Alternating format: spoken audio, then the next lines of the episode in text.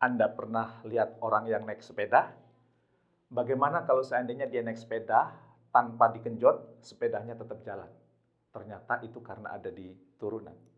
Sementara kalau Anda naik sepeda dan itu harus dikenjot supaya berjalan, karena itu ada di tanjakan. Apa hikmah dari sepeda ini? Kalau hidup Anda serba mudah, hidup Anda itu serba ringan, nggak ada tantangan, jangan-jangan kehidupan Anda sedang menurun. Tapi kalau hidup Anda penuh energi, kemudian Anda bersusah payah mengayuh banyak hal yang perlu Anda lakukan, jangan-jangan Anda sedang menuju puncak kesuksesan, menuju puncak yang Anda inginkan. Nah, supaya itu terjadi, undang tantangan, hadirkan tantangan, hadirkan kesulitan-kesulitan dalam hidup Anda supaya Anda menuju puncak kesuksesan dan waspadalah kalau hidup Anda serba mudah, hidup Anda serba enak, jangan Anda jangan-jangan Anda sedang menurun.